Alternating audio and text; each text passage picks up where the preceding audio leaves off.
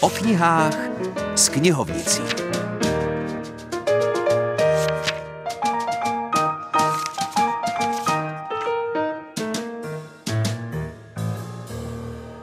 Hezké nedělní odpoledne. Filip Černý se vám dnes hlásí z Blackého muzea v Soběslavi.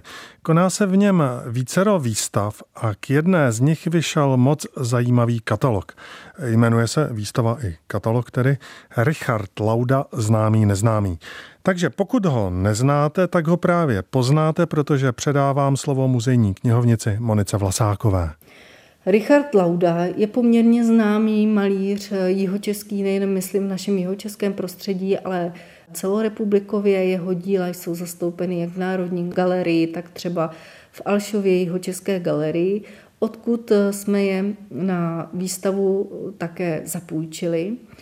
O jeho životě se určitě můžete dočíst nejen na Wikipedii, kde má svoje heslo, ale také v tomto katalogu, kde stručně jeho životopis najdeme. Já bych tedy chtěla zdůraznit eh, to, jak eh, ta výstava i ten katalog vznikaly. Byla to teda i podle slov našich kurátorek taková velká neznámá, byla to skoro detektivka, protože jsme hledali děti a potomky rodiny Laudových. Vzhledem k tomu, že syn Richarda Laudy Bořivoj byl dlouhá léta ředitelem jeho české Alšovy galerie, tak jsme si mysleli, že dostaneme kontakt na ty potomky na hluboké, ale nestalo se tak, oni ho už neměli. A tak nastalo detektivní pátrání po Laudových v Budějovicích, takže kolegyně obvolávala všechny Laudovy, které našla na internetu a dovolala se různým lidem.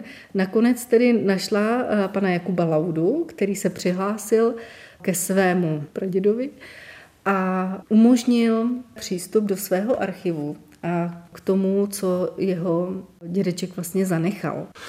Tak a výsledek pátrání můžete spatřit jak na výstavě, tak v knižním katalogu. Výstava v Blackém muzeu v Soběslavi potrvá až do 1. října, tak máte dost času jí schlédnout.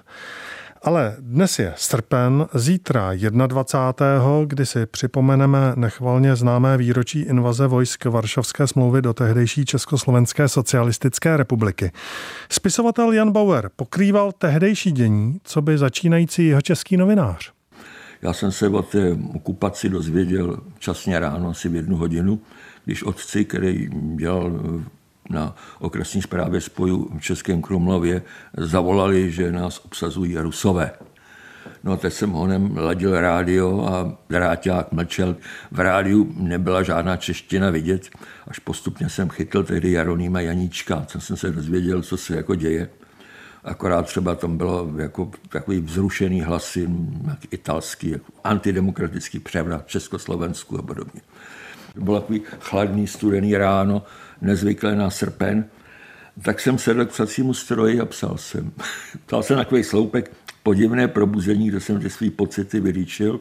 No a pak s tím sloupkem jsem prvním autobusem odjel z Krumlova do Českých Budějovic, do redakce, kde už jako bylo prostě velké vzrušení a když jsem přicházel k tiskárně ve Verbenské ulici, tak tam už tiskaři bápnem napsali před tiskárnu. No pasarán neprojdou. To je občanské války ve Španělsku, tam měli podchycení a takový jako vzrušená atmosféra.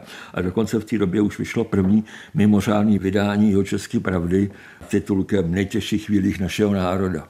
Co je zajímavé, že to tehdy tu redakci řídil Antonín Bezděčka, pozdější normalizační šéf redaktor jeho České pravdy. To jsou takové ty paradoxy, které se objeví. On byl v té době vedoucí zpravodajského oddělení a tak cítil povinnost se do toho vrhnout. No a když jsem šel v redakce, tak jsem ten svůj sloupek odevzdal, vyšel v druhém mimořádném vydání o České pravdy na první straně. Ale zároveň se vyskytl problém jeden, protože eh, v redakci tehdy se, jako, se sepisovali provolání pro vojáky těch okupačních armád.